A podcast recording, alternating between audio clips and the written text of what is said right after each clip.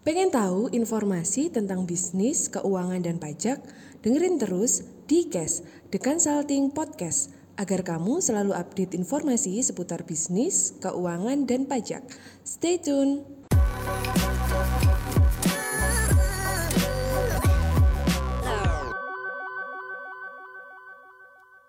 Hari ini kita akan ngobrol dengan uh, Marbio Suntanu ya, Bro Marbio Suntanu buat teman-teman yang pengen belajar soal ini ya, soal mengelola bisnis uh, cloud kitchen. Jadi hari judulnya cukup keren guys ya.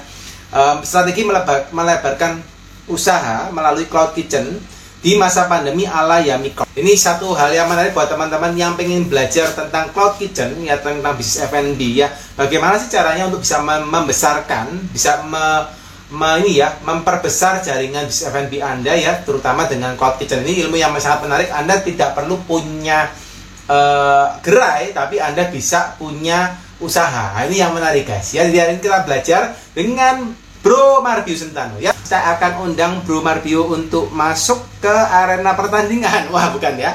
Ini namanya arena sharing ya buat teman-teman supaya hari ini uh, lebih dapat insight dari pakar ya. Jadi dari praktisi dari expert belajar. Saya hari juga mau belajar karena kan betul saya juga punya bisnis kuliner.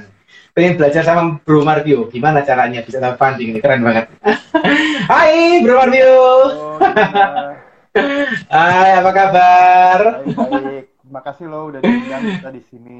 Eh, hey, kita yang makasih bro sudah ini ya sudah nyempatin waktu nih bisa tengah-tengah kesibukan ya sudah nyempatin waktu Ih, kita uh, amazing banget senang nih ketemu sama Bro Marbio ya Hari ini uh, berkenalan langsung secara online.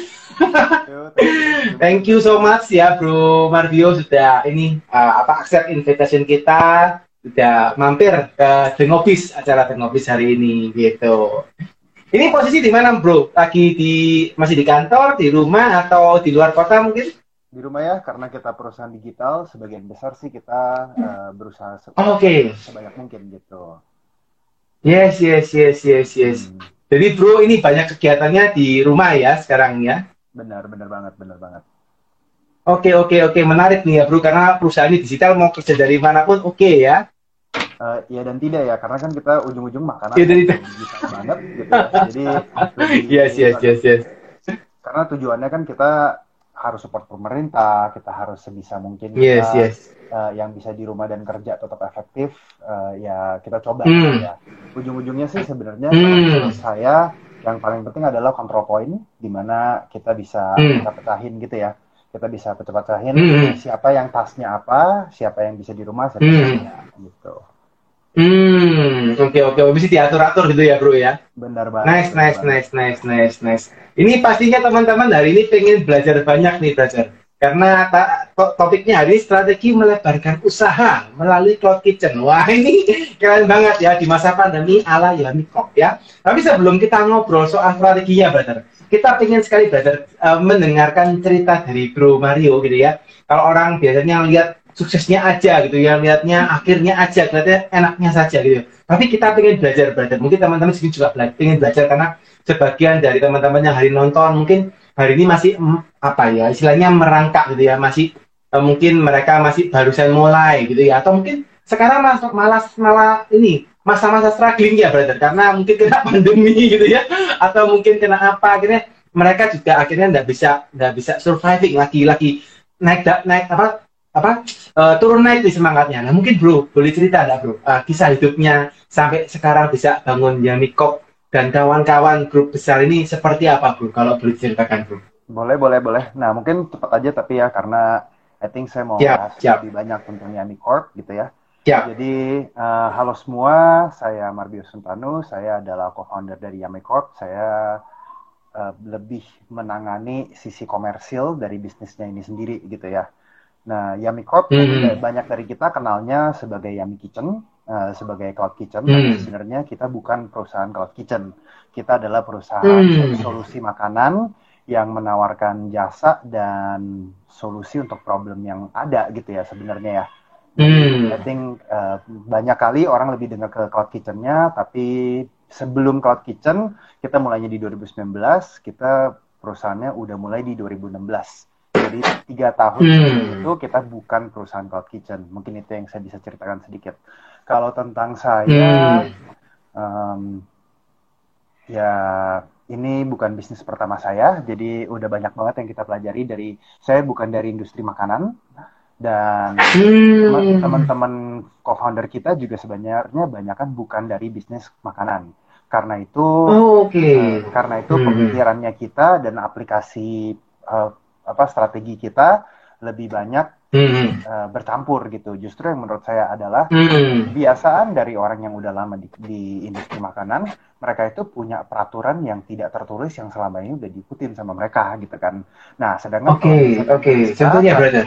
eh, Hmm. contoh- contohnya lah ya, eh, struktur organisasi di kitchen gitu ya, selalu harus Hmm. eh, berentetannya harus sama, selalu harus ada chef, head chef, ada sous chef atau Hmm. mereka, terus per divisi Hmm. ada namanya chef de party atau atau kepala Hmm. bagian di bawahnya lagi baru ada demi chef, baru ada cook leader Hmm. dan cook dan dan steward gitu. Nah, sedangkan di Hmm. kita kalau misalkan semua F&B harus bangun begitu, kapan dan bagaimana Hmm. cara kita bisa punya 100 outlet, 500 outlet, atau Oke. 1000 outlet gitu. Hmm.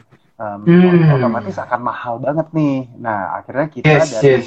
dari berbagai industri, saya yang belakang yang saya dari hotel dan saya dari transportasi Hmm. laut sebenarnya sebelumnya Hmm. Uh, co-founder saya ada yang dari teknologi, ada yang dari venture capital, Hmm. ada yang dari catering sebelumnya gitu ya, ada yang Hmm. professional CFO yang sekarang menjadi co-founder. Nah, jadi partner-partner Hmm. kita yang datang dari industri berbeda um, mena- berpikir bersama untuk mencari solusi yang baik, yang tidak ya yang Hmm. agak kalau kita boleh ngomong out of the box kali ya gitu. Hmm, hmm, hmm, oke oke oke oke. Jadi dari berbagai macam latar belakang ngumpul jadi satu brother ya. Itu gimana bro? Kan kalau dari latar belakang terjadi itu kan juga bukan hal yang gampang ya bro. Ini kisahnya gimana tuh bro? Benar banget, benar banget. Jadi uh, Hmm. kita kita beruntung banget. Sebagian besar Hmm. dari co-founder kita adalah CEO dari perusahaan sebelumnya. Jadi Hmm. CEO-CEO berkumpul, ya udahlah kita bagaimana cari Hmm. kasar ngomong kita singkirkan ego kita, nggak usah ada yang Hmm. ada yang peduli dengan title. Ya Hmm. kita cari jawaban terbaik untuk semua orang gitu sih. Eh, menurut saya Hmm. apakah susah untuk menggabungkan? Sebenarnya kan enggak kan. Kita kan uh, mencari Hmm. Kita identifikasi masalah dan bagaimana mencari jawaban terbaik untuk Hmm. masalah itu. Kalau misalkan mereka adalah Hmm. pemikiran yang sehat dan baik, sebenarnya kan mereka Hmm. juga bisa berpikir dengan cara dan uh, experience mereka dari sebelumnya. Gitu kali menurut saya ya. Hmm. Yes, yes, yes, yes, yes. Jadi pertama kali bentuk itu berarti tahun 2000 berapa nih bro? Untuk pertama kali bentuk dua- Nah, 2016 ya brother ya. Jadi 2016 itu istilahnya kayak Avenger, Avengernya ngumpul itu ya brother ya 2016.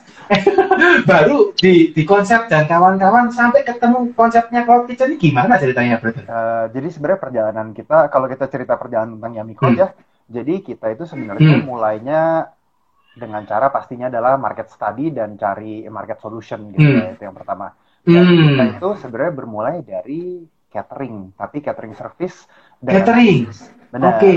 Uh, di 2016 kita Hmm. adalah catering service dengan sistem facility management untuk kantor-kantor dan Hmm. gedung besar sebenarnya. Jadi kalau orang Hmm. biasanya catering itu pun kasar ngomong bawa truk, bawa makanan dan mas dan masak di Hmm. mereka untuk servis, kita tidak. Kita malah terbalik. Kita Hmm. masuk ke satu lokasi dan di lokasi itu kita uh, bangun tim, kita menjadi konsultan untuk Hmm. mereka. Apa sih yang mereka perlu? Demografiknya itu apa aja? Apakah 50 orang dari daerah Hmm. luar, 50 orang um, millennials gitu ya, contoh. Hmm. Nah, eh, dan kita kita cari solusi sebenarnya makanan. Kan kita tahu nih kalau orang dari luar Hmm. kota, mereka se- kalau ditanyain tentang makanan, apalagi makanan daerahnya mereka, mereka konotasinya Hmm. selalu ingat neneknya masaknya gimana gitu kan. Sedangkan kita kan nggak kenal Hmm. siapa gitu. Dan Yes, yes. gimana. Jadi kita sering kali Yes. em, cari Hmm. solusi solusi tengah adalah makanan bersih modern gitu. Nah, sedangkan kalau Hmm. anak-anak yang milenials ini, ya tadi kalau makanan solusi modern itu kan mereka kenal dan mereka itu lebih Hmm. lebih paham artinya hidup sehat dan caranya hidup sehat. Karena itu makanannya itu Hmm. harus yang kayak micinnya eh, micinnya kayak satu kantong gitu pada saat masak. Yes, yes, yes, yes, Um, yes. dan kita tawarkan solusi yang berbeda dengan cara oh kalau orang tua misalkan maunya bukan tua lah ya orang uh, seperti saya maunya makanan yang ada Hmm. sop jadi kita kasih makanannya Yes, yes. empat oh, pada salah satu klien utama kita adalah Geraha Unilever yang ada di BSD itu Oke. Uh, Yes, yes, yes. jadi kita mengmanage lantai dasarnya mereka semua tentang fasilitas makanan Hmm. mereka kita tawarkan Hmm. empat jenis makanan. Yang pertama Hmm. adalah eh, makanan Indonesia yang sehat, gitu. Yang kedua Hmm. adalah sup, bisa jadi soto, bisa jadi sop, gitu ya. Yang ketiga adalah em, yang ketiga adalah sandwich dan makanan sehat seperti salad. Yang keempat adalah Hmm. eh, makanan Asia atau makanan Western. Nah itu itu yang pertama. Hmm. Tapi tapi kalau cuma makanan lunch doang nggak mungkin karena mindsetnya kita adalah kita kerja bisa 8 sampai 10 hari di satu satu hari. Karena itu kerjaan Yes, itu 8 sampai 10 jam gitu ya, brother ya. ya sorry 8 sampai 10 jam di satu hari. Mhm. Karena itu Mhm. sebenarnya eh, kita punya hidup profesional adalah bagian yang sangat besar daripada kita punya hidupan harian. Karena itu Hmm. makanan pada saat kita melakukan pekerjaan menurut kita sebagai Group adalah penting. Hmm. Em, apalagi Hmm. kembali lagi ya, apalagi kita kalau lagi stres carinya apa sih supaya jajan lah, minum yang segar gitu ya, Bener. kopi dan. Benar. Nah, Benar, benar, benar. bagaimana kita bisa mengkombinasikan si visinya kita dengan makanan yang Hmm, hmm. dijual di dalam kantor dengan harga yang pas. Kalau semuanya harus dijual di luar, otomatis mahal. Tapi kalau semuanya bisa diproduksi di dalam gedung itu sendiri, otomatis kemungkinan besar bisa jadi Hmm. murah gitu. Uh, setelah Oke, itu oke. buat gedung Unilever juga kita rapiin konsep sih, karena mereka adalah perusahaan FMCG Hmm. yang besar. Mereka sebenarnya kan juga udah Yes, punya yes. di brandnya mereka sendiri. Yes, yes.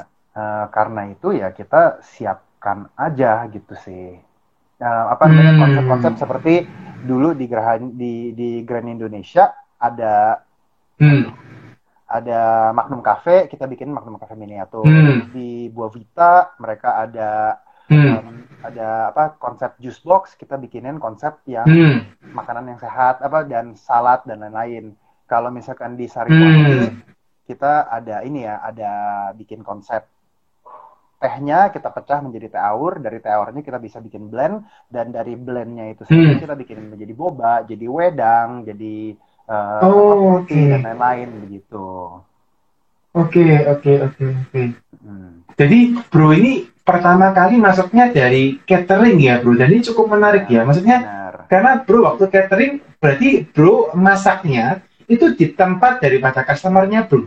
Benar, benar. Kita masuknya sebagai Oke, oke, di oke. tempat, tapi kita juga udah punya central kitchen. Hmm.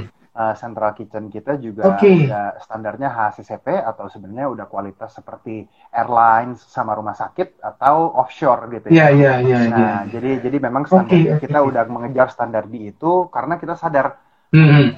tidak ada solusi makanan yang sebenarnya dicari ini. Apa yang kita kerjakan itu dicari Hmm. sama perusahaan-perusahaan besar karena mereka maunya punya standar Hmm. yang tinggi, tapi tidak terlalu banyak yang Hmm. dikerjakan karena mahal dan sulit gitu. Hmm, oke oke oke oke oke. Menarik nih. Bro, penasaran nih, Bro. Ini mohon maaf dulu, saya gali lebih dalam ya, Bro ya. Apa Bro maksudnya gini? Ketika Bro punya satu tempat gitu ya untuk production gitu ya, and then di tempatnya si klien gitu ya. Apa enggak Bro sampai sempat terpikir atau mungkin bahkan pernah terjadi bahwa kliennya akhirnya mengambil atau menga- mengakuisisi bisnis yang Bro taruh di, di, di tempatnya mereka, Bro. Karena kan itu sangat gampang ya, karena mereka di tempatnya mereka juga gitu. Nggak gampang ya, karena kan timnya semua punya kita. Eh, apa IP Oke. atau intellectual property-nya punya kita, yang bikin menunya juga Yes, kita gitu kan. Jadi kalau misalkan mereka mau Hmm, eh, mereka mau kasar ngomong take over dan jalanin sendiri, sebenarnya yes, yes. le- lebih repot. Padahal kalau misalkan mereka kerja sama-sama kita, mereka hanya perlu ngobrol dengan satu orang, which is manajer di outlet kita dan tim dari manajemen kita, contoh gitu ya. Nah, kalau misalkan Hmm. mereka mau ngurusin sendiri, artinya kan mereka harus ngurus kalau kita ngomong karyawan di Unilever, contoh 40 hampir 50 orang gitu dengan shift yang berbeda-beda. Hmm. Otomatis kan mereka harus mengurus Hmm. 50 orang bukan mengurus satu orang gitu kan. Jadi malah Yes, jadi yes. solusi malah jadi repot gitu. Oh, oke, oke, oke, oke, oke, oke.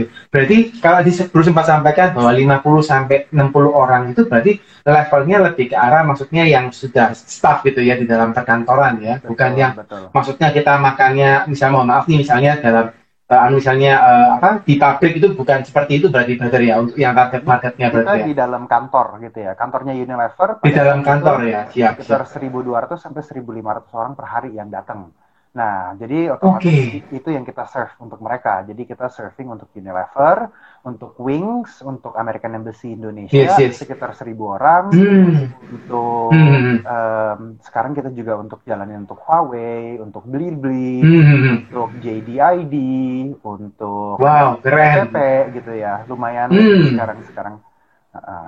nah kita asalnya mulai dari catering sebenarnya tapi Yes, eh, yes, yes, tapi kita yes. akhirnya grow lebih dari itu di tahun Hmm. 2018 kita launching kita punya aplikasi handphone namanya Yummy Box Hmm. sekarang kita eh, ini Hmm. ini sudah kita eh, sudah kita selesaikan karena kita sadar di tahun Hmm. 2019 pada saat COVID ini bukan industri bukan bisnis yang cocok karena itu we stopped it Hmm. gitu. Di tahun Oke, 2019 kita mulai kalau kitchen pertama kita.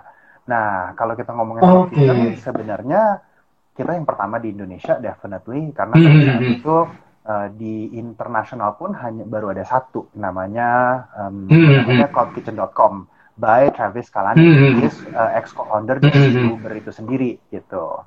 Nah, Hmm. eh, tapi konsepnya mereka berbeda. Konsepnya mereka adalah cloud kitchen rental, Eh, punya akuisisi tanah, Hmm. akuisisi lokasi, di, dipotong kecil-kecil Hmm. dan disewakan keluar. Sedangkan kita sadar Hmm. misalkan di Indonesia terlalu banyak orang yang em, bank atau bukan bank lah ya, banyak keluarga konglomerat yang sebenarnya uangnya unlimited. Hmm. Nah, jadi ini sih, jadi kita agak decided untuk jangan arah ke sana gitu. Hmm. Yes, yes, yes, yes. Hmm, terus Jadi mulai mulai switching akhirnya brother ya. benar-benar terus akhirnya Yes, yes. di di tiga bulan yang lalu kita baru launching satu produk lagi namanya Yummy Shop. Nah Yummy Shop ini tujuannya sebenarnya kita menggabungkan banyak orang di F&B itu menginvestasikan Hmm. uh, promosi dan marketing sebagai dua hal yang berbeda. Di mana mereka Hmm. mereka melakukan promosi dari dari apa aplikasi delivery itu sendiri, tapi mereka juga hmm. melakukan uh, melakukan marketing dengan KOL, dengan brand ambassador Hmm. di sosial media mereka. Nah, artinya kan Hmm. mahal banget nih, udah harus bayar uh, sosial media. Endorser gitu ya. Ya benar, Oke. udah harus bayar endorser, tapi mereka Hmm. di waktu yang Hmm. bersama juga mereka harus ini harus uh, bayar lagi untuk promosi dengan diskon 20-50% gitu kan. Nah, Hmm. apa yang kita lakukan adalah kita mengganti link yang biasanya ada di uh, di apa namanya kalian punya profile supaya pada saat diklik Hmm. itu bisa langsung masuk ke menjadi menu yang tinggal diklik dan bisa Hmm. self checkout gitu. Otomatis kita menggabungkan Hmm. yang tadinya promosi yang harus dibayarkan dengan 50% sekarang ditiadakan malah bisa order menjadi eh, bisa mengaktifkan kalian punya social media menjadi self checkout store gitu ya atau independent store. Oh, oke oke oke. Maksudnya bro kerja sama sama kayak micro influencer gitu untuk mengganti kayak, kayak mereka ada link yang bisa apa diklik oleh temennya gitu maksudnya atau gimana bro? Enggak sih, jadi di setiap kali di setiap satu usaha punya atau brand dia em, anggap Ah, ah. Bro Dedi punya brand eh, Dedi Hmm. ayam geprek Dedi gitu ya misalkan ya. Nah, Yes, jadi yes, yes, yes. di kalian punya social media akan ditaruh link yang bisa sekali klik untuk melihat kalian punya lokasi di mana, kalau mau order WA gimana. Oh. Tapi ada juga link untuk Oke. pada saat kalian klik itu bisa Hmm. masuk ke bisa masuk ke satu halaman yang menunjukkan menunya Hmm. kalian udah seperti order dari delivery platform Gojek, Grab atau Shopee Food atau Traveloka Eats aja gitu. Cuman dari social medianya kalian langsung bisa di check out. Oh oke oke itu maksudnya dari ya Mikop yang membuatkan ya brother ya. Jadi bro yang ceritakan yang Betul. uh, satu produk barunya ya Mi Shop tadi itu. Benar. Jadi Oh, dengan ber- oke, berupa oke, link sebenarnya yang tinggal hmm, kalian hmm. punya social media. Nah, menurut kita itu adalah Oke, masa depannya. oke. Tapi hari ini yang kita fokuskan eh, banyaknya masih di cloud kitchen karena kita rasa eh, cloud kitchen ini kan menyelesaikan dua masalah nih. Masalah yang pertama Yes, adalah yes. sebenarnya eh, investment karena kalau misalkan mau punya Yes punya, yes. punya uang untuk se- saat punya budget untuk buka tiga belum tentu punya 10 belum tentu punya 100 atau Hmm, belum hmm. tentu punya 1000 Hmm. itu yang pertama yang kedua adalah Hmm, hmm. standarisasi manusia sebenarnya kan agak sulit nih Hmm. gitu ya Hmm, hmm. Mm, gitu aja standarisasi manusia untuk untuk training dan lain-lain itu yang harus kita rapiin aja sih sebenarnya Oke, oke, oke.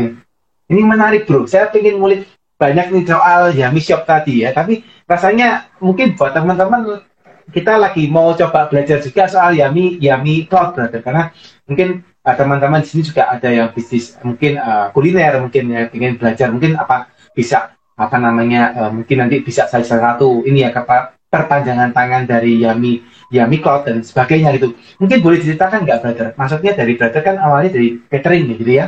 Dari catering sudah pegang perusahaan besar gitu ya, sudah banyak ada Unilever, ada Sarilangi, ada macam-macam tadi perusahaan yang disebutkan ya. Lalu kondisi pandemi akhirnya mungkin mereka uh, berkurang ya brother ya, ada yang WFH, ada yang sama sekali tidak ke kantor. Akhirnya bisnis bro juga terdampak kan gitu ya. Akhirnya Bener banget, shifting pindah dari ke Yami Yami Box tadi juga, terus ada Yami Shop dan juga Yami Cloud juga brother ya yang dilakukan ya. namanya Yami Kitchen Yami Kitchen ya, oke siap siap siap. Nah itu gimana brother? Maksudnya konsepnya dari Yami Kitchen ini seperti apa brother yang dilakukan gitu? Nah, jadi kalau Yami Kitchen itu kan sebenarnya kita adalah eh, cloud kitchen operator service, di mana Yes. em, Hmm. di mana kita menawarkan bukan hanya menawarkan lokasi, tapi timnya juga dari kita, rentalnya dari kita, utility dari kita. Em, basically kalian cuma mengantar mengirim barang, kita pakai brandnya kalian, timnya punya kita, dan kita masakin dan kita eh, listing di platform Gojek, Grab, Traveloka dan Shopee Food gitu. Jadi basically seperti Hmm. seperti membangun digital franchise aja sebenarnya ya. Oke oke oke oke Hmm. oke. Jadi yang masakin itu dari tempatnya Benar, Kitchen, tapi yang menjualkan dari orang lain.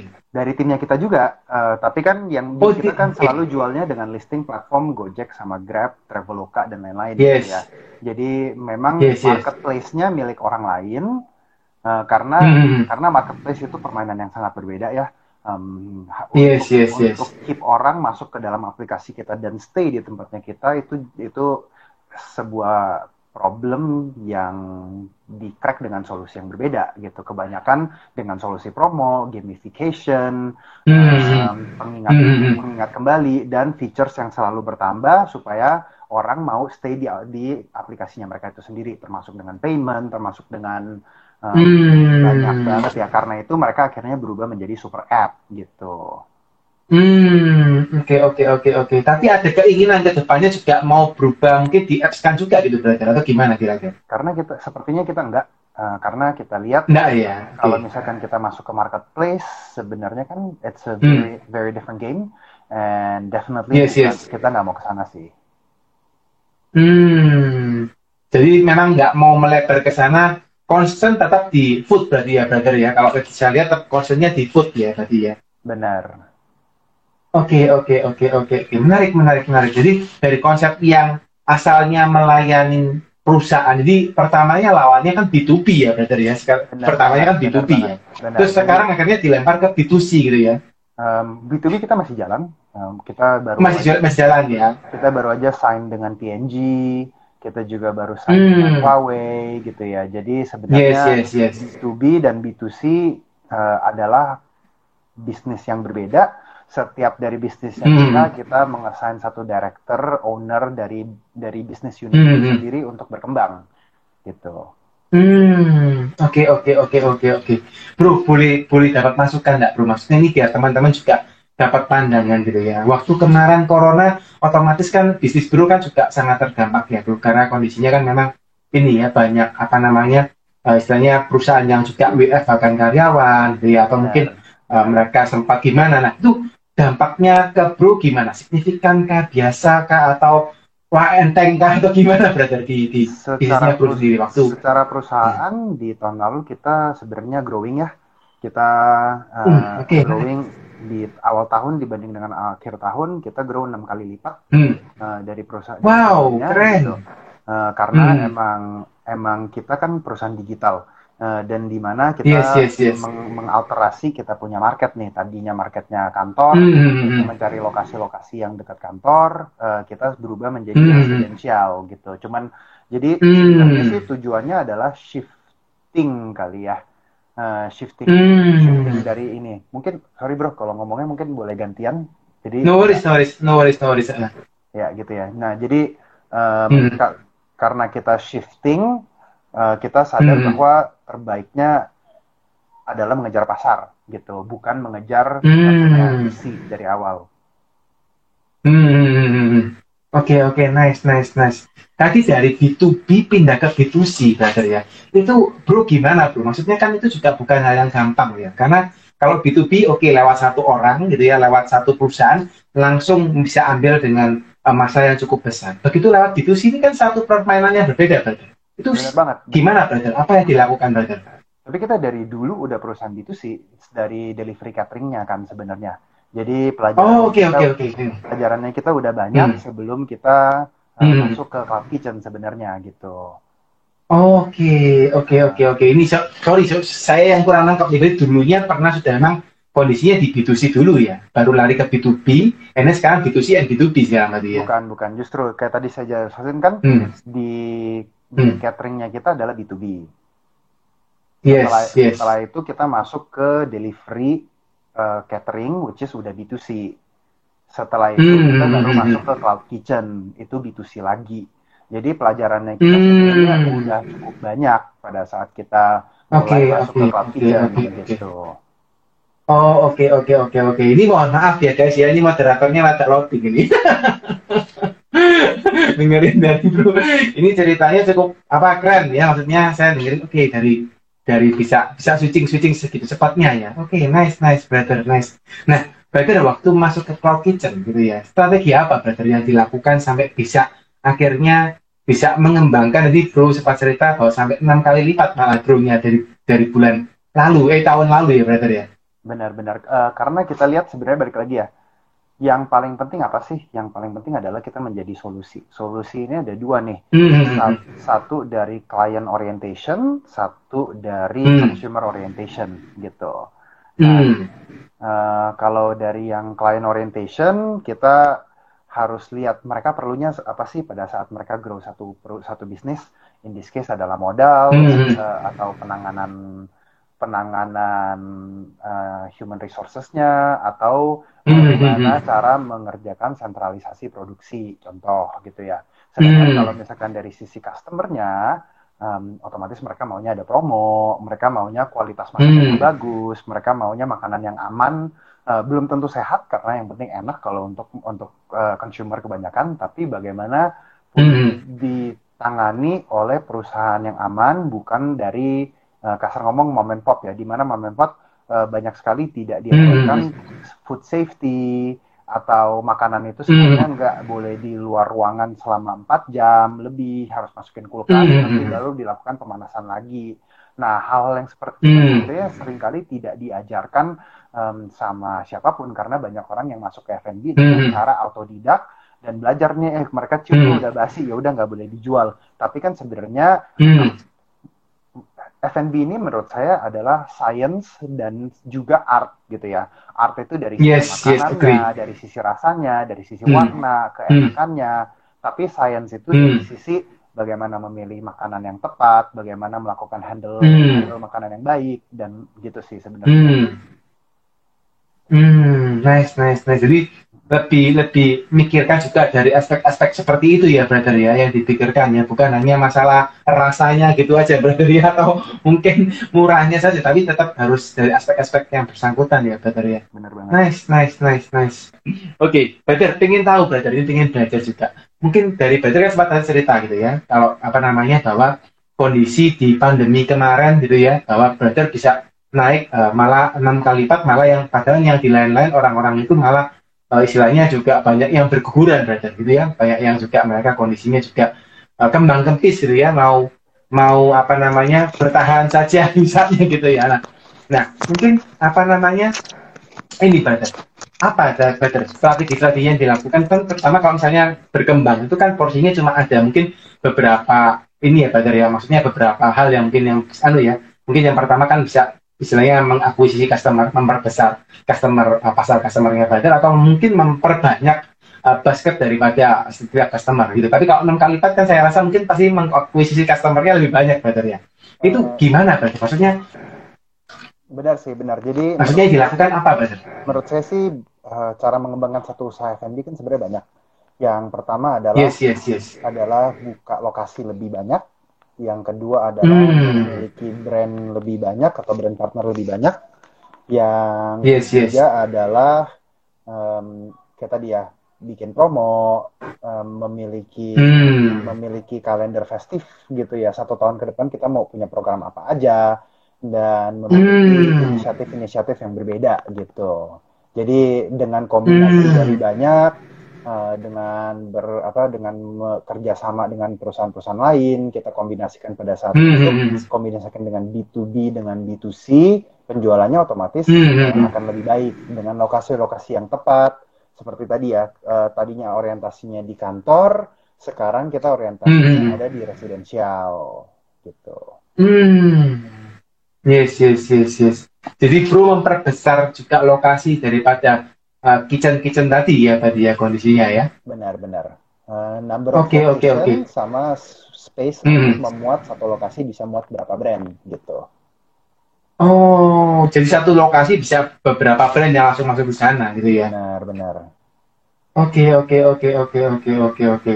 Jadi kalau seperti ini berarti maksudnya kalau di Yami Kitchen sendiri itu tidak membuka maksudnya franchise secara ini berarti ya, secara apa namanya literally seperti kan misalnya kita lihat ke Bapak Raffi misalnya itu kan dia buat franchise secara uh, apa kontainer tapi kalau di Yami tidak tidak melakukan seperti itu kira-kira seperti apa mungkin kita bukan perusahaan franchise uh, jadi semua hmm. kita hari ini punya 80 outlet kita hmm. 30 dalam pembangunan tapi kita punya budget untuk 200 outlet ke depan gitu ya nah jadi okay, nice, jadi nice.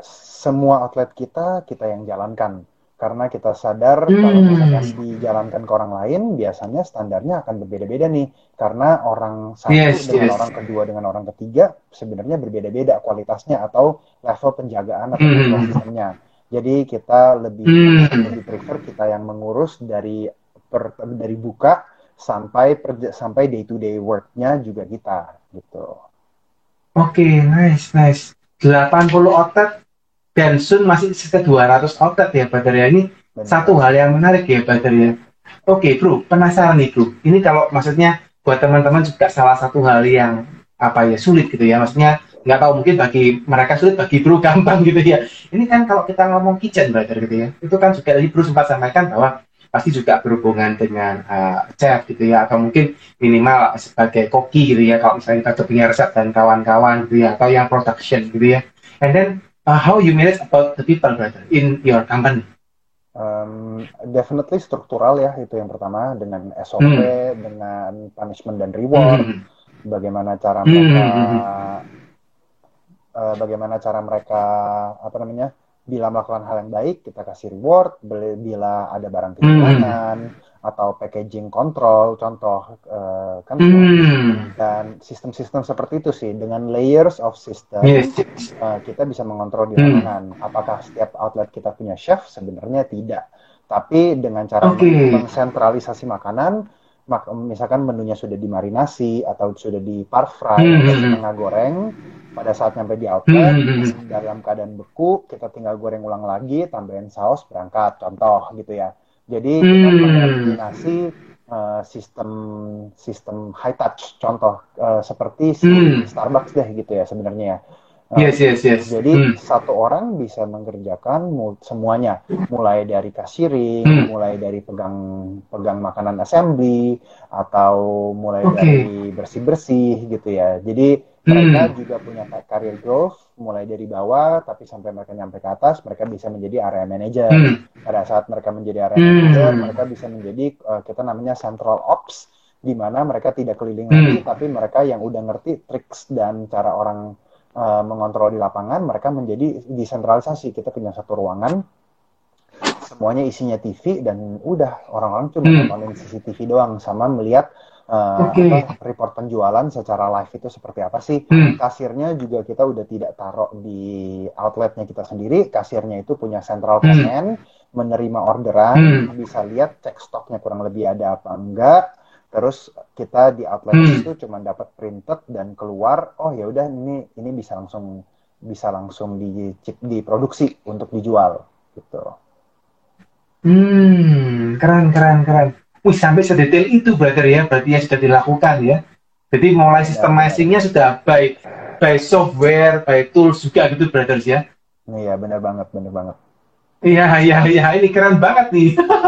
Jadi waktu jalan gitu, ibaratnya kan semuanya sudah sudah autopilot ya, brother ya. Jalan semua by system dan kawan-kawan gitu. Apa masih perlu orang HR, brother? Atau sudah by system semua, by tool semua gitu waktu di, di lapangan? Tetap perlu ya, karena kan ujung-ujungnya pada Hmm. orang yang mema- yang memasak kan tetap manusia itu yang pertama. Eh, Yes, yes. Mungkin suatu hari kita bisa masuk robotic arms, tapi hari ini kita belum Yes. punya budget dan kita belum arah ke sana sih sebenarnya ya. Karena em, Hmm. satu dan lain hal, menurut kita kondisinya belum ready untuk masuk ke robotic arms. Tapi eh, Hmm. apakah kita perlu HR? Pada saat setiap kali kita berkembang untuk membuka lokasi yang baru, kita memiliki memerlukan, Hmm. memerlukan orang yang baru, otomatis kita akan perlu HR. Hmm, oke oke oke. Penasaran brother. Ini kalau saya ini mohon maaf brother kalau udah tanya, jadi saya nanyanya rada dalam brother ya. Kalau misalnya ternyata rada konfidensial, brother boleh cut gitu ya, nggak apa-apa gitu ya. Nanti kalau memang boleh di sharing buat teman-teman, please uh, please brother bisa sharing biar teman-teman juga bisa belajar gitu ya brother ya. Mungkin brother pengen tahu untuk misalnya brother buka outlet gitu ya. Ini kan tadi saya lihat satu hal yang menarik gitu ya karena brother sempat cerita ketika buka satu orang ini bisa kasir gitu ya satu satu orang bisa satu orang yang sama juga bisa assembly gitu ya maksudnya yang meracik makanannya gitu ya Benar. satu orang yang sama juga bisa bersih bersih ini ini keren banget loh Badar maksudnya kan kita enggak banyak gitu ya maksudnya biasanya kalau yang bersih bersih ya orang sendiri gitu ya yang masak ya orang sendiri yang kasir ya orang sendiri nah ini kalau brother ketika buka satu outlet brother itu berapa minimal harus punya berapa tim brother yang ditugaskan di lapangan atau maksudnya bagiannya seperti apa Tergantung ya, I think kita ramping up mulai dari yang Hmm. kecil, kalau misalkan brandnya belum banyak, Hmm. kita bisa mulai dari 5 sampai 6 orang, tapi di outlet yang rame Hmm. bisa sampai belasan sebenarnya. Jadi eh, Hmm. dan- jadi beberapa poin untuk kontrolnya adalah revenue, terus luasnya Hmm. dan ada berapa brand. Um, I think tiga tiga poin kontrol dari sana sih sebenarnya, karena kita udah eliminasi eh, log apa eliminasi posisi seperti kasir dan lain-lain, justru di sana malah tidak Yes. diperlukan. Dan apakah satu outlet itu cukup dengan orang itu? Sebenarnya tidak, karena kan kita juga punya areal Hmm. yang berputar. Areal Hmm. itu ada beberapa level. Satu adalah QA atau Quality Assurance. Eh, di Hmm. tiap titik itu ada QC random. Yang satu Hmm. lagi selalu ada ini ya, ada misalkan eh, tim HR yang datang untuk untuk jagain Hmm. mereka eh, secara psikologis Hmm. mereka baik gitu. Jadi sebenarnya sih Hmm. kita punya dua level, areal dan outlet itu sendiri. Oke, oke, oke, oke, oke. Jadi yang yang HR pun mereka keliling ya, brother ya. Mereka liatin secara psikologi, mungkin apa dengan cara teknik bertanya, atau mungkin di Benar. uh, ajak ngobrol gitu ya, brother ya. Oh, Benar, nice, benar. nice, nice. Ini benar-benar udah lean management nih, keren banget nih. ini buat teman-teman yang barusan buat F&B harus mulai belajar guys ya. Ini soon eh, apa namanya future in F&B ya seperti yang diceritakan sama Bro Martio ini guys. Ini very very nice ya, very very nice. Hmm. Oke oke, brother. Tadi saya sempat sudah sempat sempat ini ya sempat baca gitu ya bahwa Bro punya ribuan menu masakan brother gitu ya. Apa benar brother ya? Sampai berapa ribu gitu kalau nggak salah ya? Eh, hari ini listing yang kita urusin sekitar 700 lebih gitu ya. Jadi kalau satu listingnya ada 10 menu berarti kan udah 7000 gitu ya. Dan Tujuh ribu masakan, wow. kalau listingnya 10 gitu kan. Jadi Hmm. sebenarnya sih Yes yes apa yes. yang kita kerjakan ya rotasinya lumayan banyak lah Hmm. sebenarnya menurut saya. Dan itu juga menu Hmm. di luar B2B sebenarnya kan. Kalau B2B kita Hmm, hmm, hmm. bahkan rotasi menunya setiap hari berbeda. Kita bisa keluar Hmm. 3 sampai 4 menu per hari dan 3 sampai 4 Yes, menu per yes. harinya itu ya selalu berubah-ubah gitu kan. Hmm, oke oke oke oke. Menarik nih. Tujuh ribu menu ya brother ya. Biasanya kalau 7.000 Resto. menu ya, 7.000 menu. tujuh ribu listing ya. Iya. Iya. Yes, yes, yes. Tapi tujuh ribu itu berbeda-beda, pasti berbeda-beda atau masih ada yang sama tuh tujuh ribu? Ada yang sama, definitely. Tapi kalau kita ngomong yang Oh, ada yang sama. Tadi saya cerita ya 700 listing, satunya 10, mungkin 700, ada yang 15, ada yang 20 menu gitu ya. Oke. Total-total ya Oke, oke, oke. ribuan gitu. Yes, yes, yes. Nice, nice. Ribuan ya berarti untuk menunya ya. Benar. itu benar. bro manage ah, apa food waste-nya gimana brother kan kalau resto kan juga cukup ini ya cukup eh, tadi kan apa namanya udah kita jelaskan ya. hmm, Eh, kalau kita Hmm. udah main sentralisasi, semua makanannya dalam keada- ke- apa, keadaan beku gitu datangnya, eh, atau udah, Hmm. udah par fried, sebenarnya waste-nya sangat kecil. Cuman memang harus Oke. orang, orang yang mengerti bagaimana cara bekerja dengan baik dengan sentralisasi yang baik, eh, baru Hmm. bisa, mungkin baru paham gitu. hmm, jadi karena caranya sudah di istilahnya di ah, setengah jadi gitu ya brother ya dibuat Benar, benar. ah, setengah matang gitu ya semuanya sudah siap dipakai sampai ke outlet tinggal dipanasin ulang atau mungkin digoreng ulang gitu aja brother ya caranya ya Benar, benar. Jadi Oke, sistemnya adalah nice, nice, seperti seperti fast food, bukan seperti restoran. Mungkin dari Bro Dedi pemikirannya Oke. juga kita bukan buka restoran nih, kita buka fast food chain. Yes, yes, yes, yes. Gitu. Yes, yes, yes, yes, yes. Nice, nice, nice, nice, nice. Oke, Brother, tadi sempat Bro kan sempat ceritain gitu ya, satu tempat gitu ya, itu ada beberapa brand gitu ya. Itu boleh nggak Bro disebutin brand-brandnya tadi yang sempat Bro sampaikan itu satu tempat tuh brand apa aja Bro? Banyak sih beda-beda ya. Setiap atlet bisa Hmm. brand kombinasinya berbeda-beda. Eh, beberapa brand kita kita pecah kita punya brand menjadi tiga kategori. 50% dari Yes. brand kita adalah brand yang udah established, 30% dari Hmm. brand kita adalah brand yang upcoming and trending, 20% adalah SMB sebenarnya atau atau small medium business. Nah, bagian Hmm. dari beberapa brand kalau saya sebutin Daily Box gitu contoh Daily Box kita handle Hmm. 30 lokasi Daily Box. Terus si Hmm. Fonat Donat juga banyak, level international brand seperti Hmm. Kyochon, eh, beberapa Ismaya brand Hmm. juga di tempatnya kita. Terus Hmm. kalau kita ngomong coffee ada beberapa yang kayak seperti Forestry, eh, terus Hmm. Nyikan atau Hmm. atau apa ya? Terlalu banyak sih ya saya juga sering bingung karena kita total-total lebih dari 60 brand yang udah join di dalam Yami punya sistem gitu sih. Oh, oke, oke, oke, oke, oke. Hmm. Jadi termasuk ikan pun itu juga eh, Bro yang tangani ya untuk untuk ini ya Benar, sistemnya ya. Benar. Oke, oke, oke, oke, nice, nice, nice. Jadi banyak yang memang akhirnya brand-brand itu malah malah dibawa under under undernya eh, ini Yami, keren, keren, keren, keren. Bukan under Yes, Yami yes, yes. ya. Jadi kita sebagai perpanjangan tangan untuk operasinya mereka. Tapi brand kepemilikan Hmm. mereka, kita tidak memiliki ownership. Kita eh, membantu mereka untuk untuk finishing di finishing kitchen dan jual listing di eh, Gojek, Grab, Traveloka dan Shopee Food aja gitu. Oh, tapi operasional masih tetap Bro yang tanganin atau sudah dilempar ke mereka? operasional tetap kita yang ngurusin gitu. Oh, oke. Jadi yang punya brand mereka, yang jual franchise mereka, terus Bro yang uh, apa? Setup, maksudnya yang yang uh, personal day to day-nya Bro yang urus gitu ya. Benar-benar. Kayak baru-baru Oke, ini oke, kita oke, oke. kita baru launching ayam pusaka abadi gitu ya.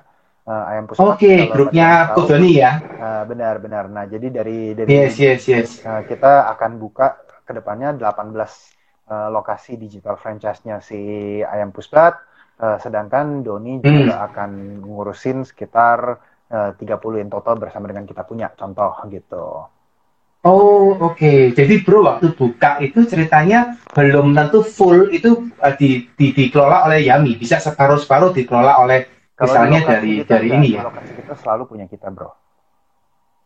Oh, oke, oke, oke, oke. Tapi kalau di konsep lokasi lain boleh mereka buka sendiri. Ya karena brandnya milik mereka gitu kan.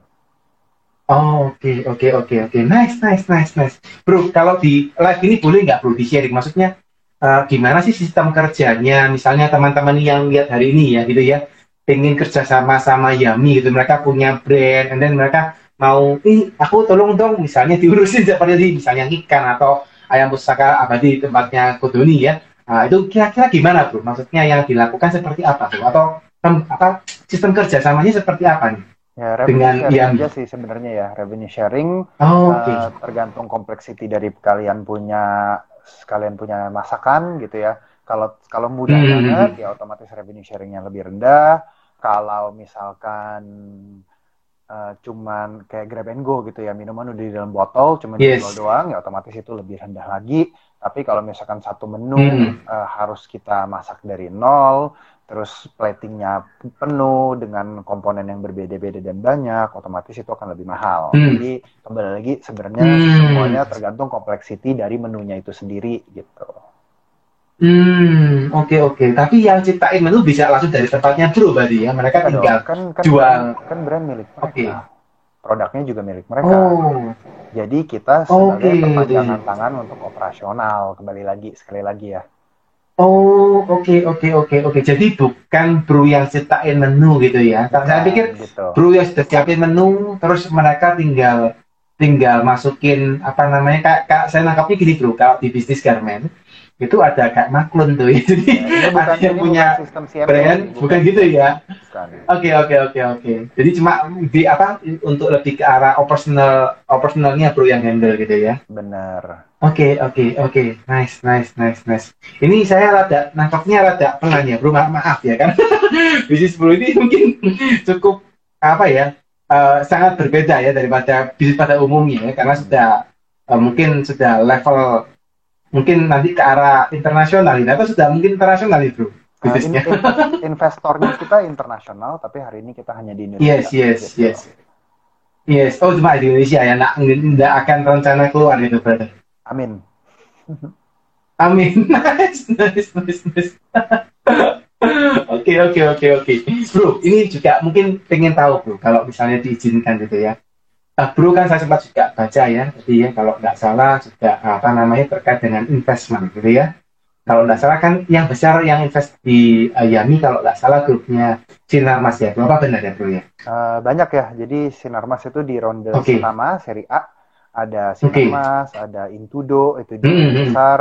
Uh, termasuk tadi Hmm, hmm, ada Bro Doni juga ada invest kecil-kecilan tempatnya kita gitu ya dari Oke, Valley. nice, nice. Uh, terus Terselly ya. di seri keduanya kita di invest sama SoftBank sama Hmm. sama apa sama AppWorks sama Pandu Syahrir sebenarnya Hmm. masuk ke tempatnya kita juga gitu. Jadi Hmm, eh, hmm. berbagai dari Coca-Cola Matil juga masuk ke tempatnya kita dari Hmm, hmm. lumayan banyak sih sekitar mungkin kayak 20 investor hampir ada kali totalnya ya. Hmm, oke oke oke oke. Itu gimana, brother? Kalau misalnya ini buat teman-teman juga belajar gitu ya. Maksudnya ketika diinvest oleh uh, investor itu apa, brother? Yang dirasakan, apa yang diharapkan, atau tekanan-tekanan apa, brother? Yang dirasakan ketika mendapatkan investasi yang jumlahnya cukup besar dari luar, brother? Hmm, definitely sebenarnya sih menurut saya investasi perusahaan bisa diinvestasi itu kan sebuah journey ya. Bukan berarti kita ciptakan satu usaha dengan tujuan diinvestasi sebenarnya nggak pernah boleh begitu. Uh, kita Hmm, pada hmm, saat hmm. menciptakan satu bisnis itu kan menjadi solusi dari problem yang ada di dunia gitu kan.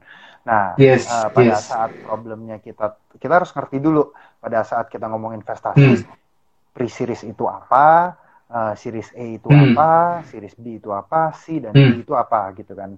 Nah, kalau kita Hmm, ngomong hmm, hmm. pre-series pada saat kita memiliki ide, nah kita berani Hmm. masukin berapa duit untuk merealisasi idenya kita, itu yang pertama.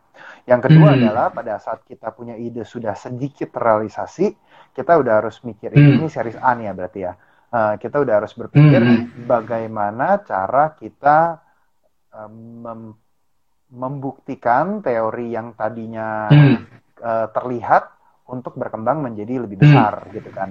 Nah di seri Hmm. B eh, yang paling yang paling banyak sebenarnya satu perusahaan gagal itu adalah dia dapat seri A tapi dia tidak dapat seri B. Kenapa? Karena Oke. seri B itu seri A itu membuktikan teori kita benar.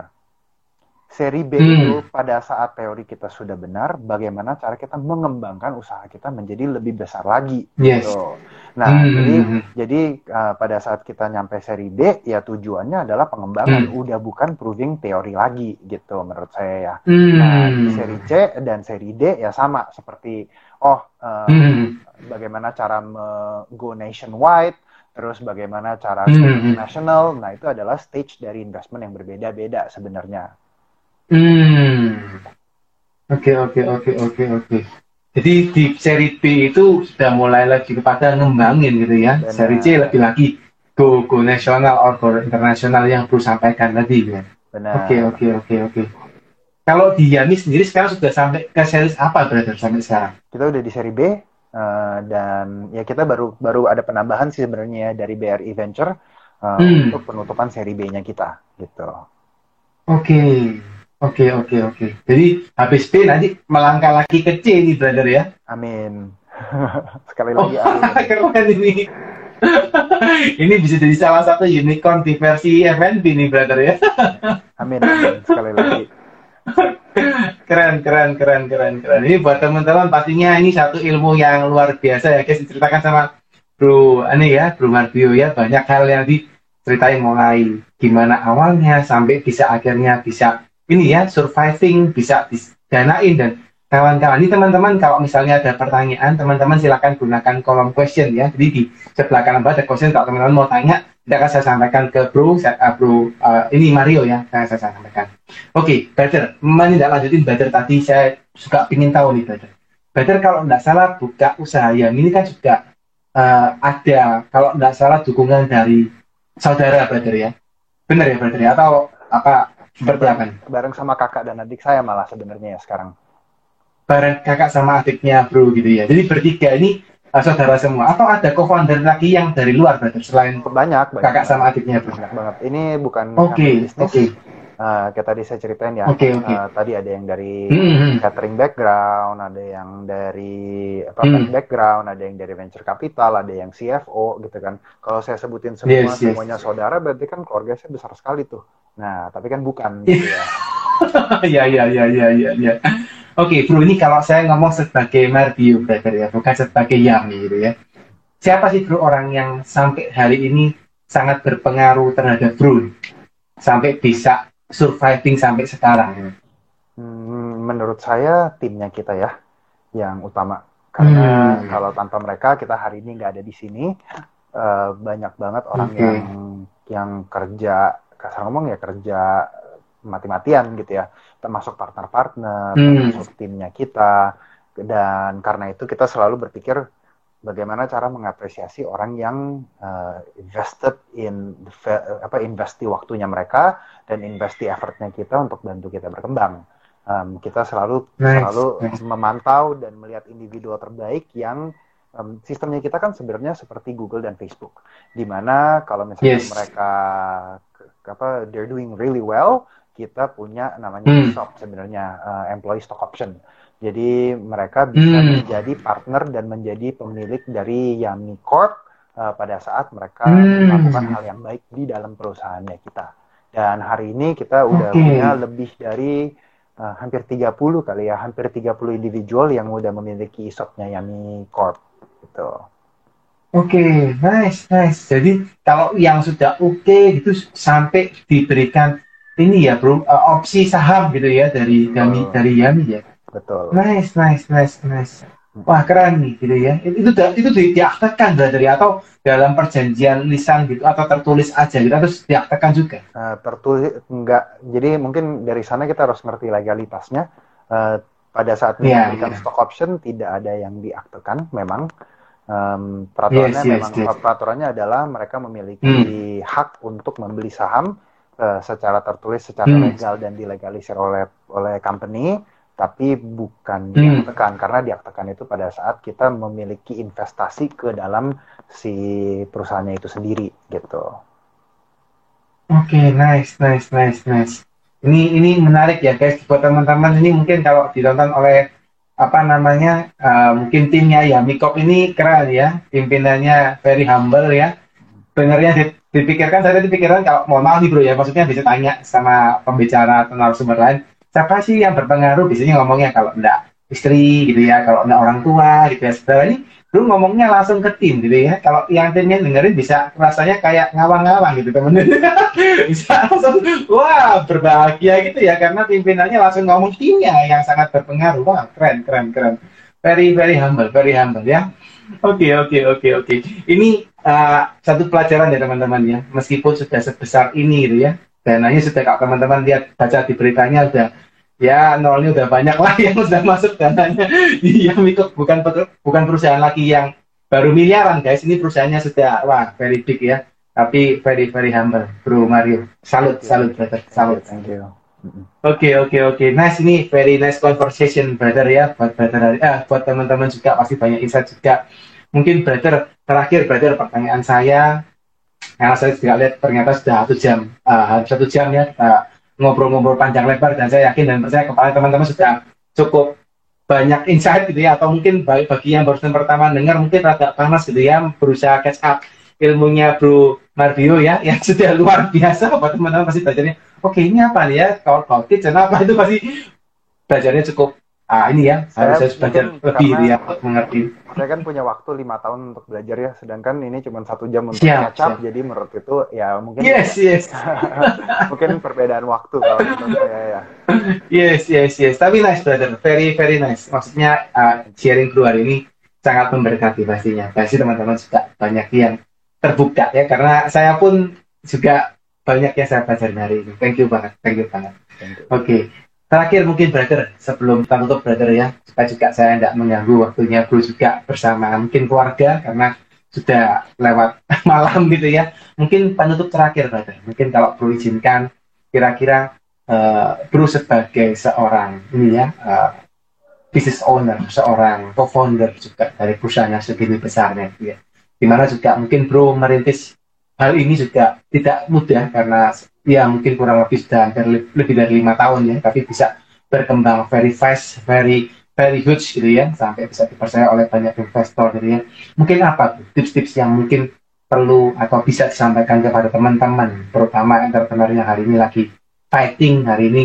Mungkin masih kehilangan mimpi yang mungkin gitu ya bro atau mungkin nggak tahu apa pun yang mereka ada di ada nggak bro? Mungkin uh, apa semangat atau perlu dari bro untuk mengakhiri hari ini menurut saya gini sih, kalau saya bisa kasih satu dua kata ke teman-teman, pertama-tama gini, uh, kita ada di kondisi di mana kita selalu ada kesempatan dalam kesempitan, itu pepatah yang udah biasa banget gitu ya, yang selama ini dipakai. Yes. Dan menurut saya gini, karena COVID ini banyak banget perusahaan yang tadinya besar bangkrut atau terpaksa hmm. uh, dirumahkan atau mengecil atau bahkan uh, berubah gitu ya.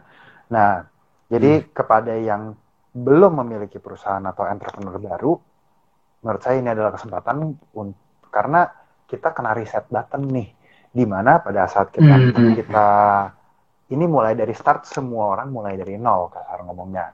Ada hmm. yang jadi satu kesempatan di mana kalau kita bisa larinya cepat atau kita lebih lincah atau kita uh, hmm. lebih lebih serius gitu ya atau kita lebih berdedikasi hmm. menurut saya itu adalah momen di mana kita bisa jadi the next big thing itu yang pertama uh, kepada teman-teman yang udah punya usaha di kondisi pandemi ini uh, menurut saya hmm. justru kita harus berani bergerak jangan tinggal diam saja hmm.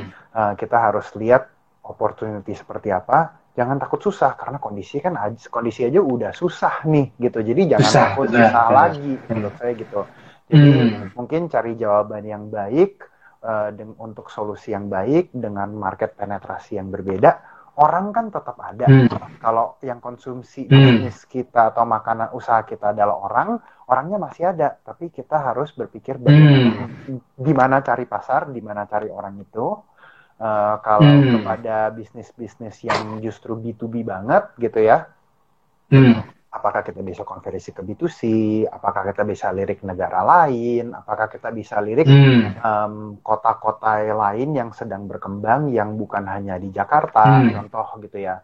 Uh, apakah kita bisa mengepakkan usaha kita dengan sistem kemitraan atau franchise? Nah, hmm. itu itu dengan pemikiran yang berbeda dengan kita harus mencari solusi terbaik untuk kondisi kita hari ini.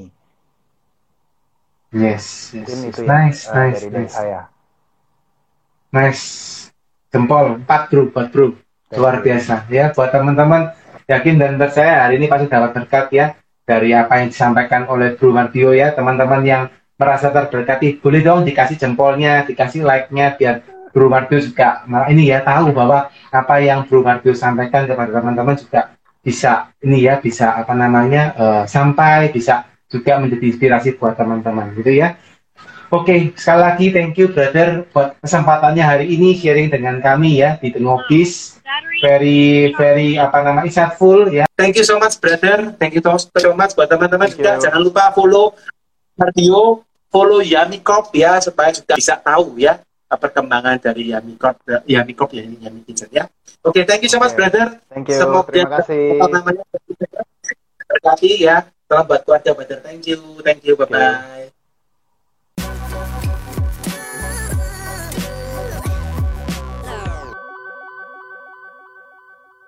Terima kasih sudah mendengarkan Tikes. Sampai jumpa di episode berikutnya ya.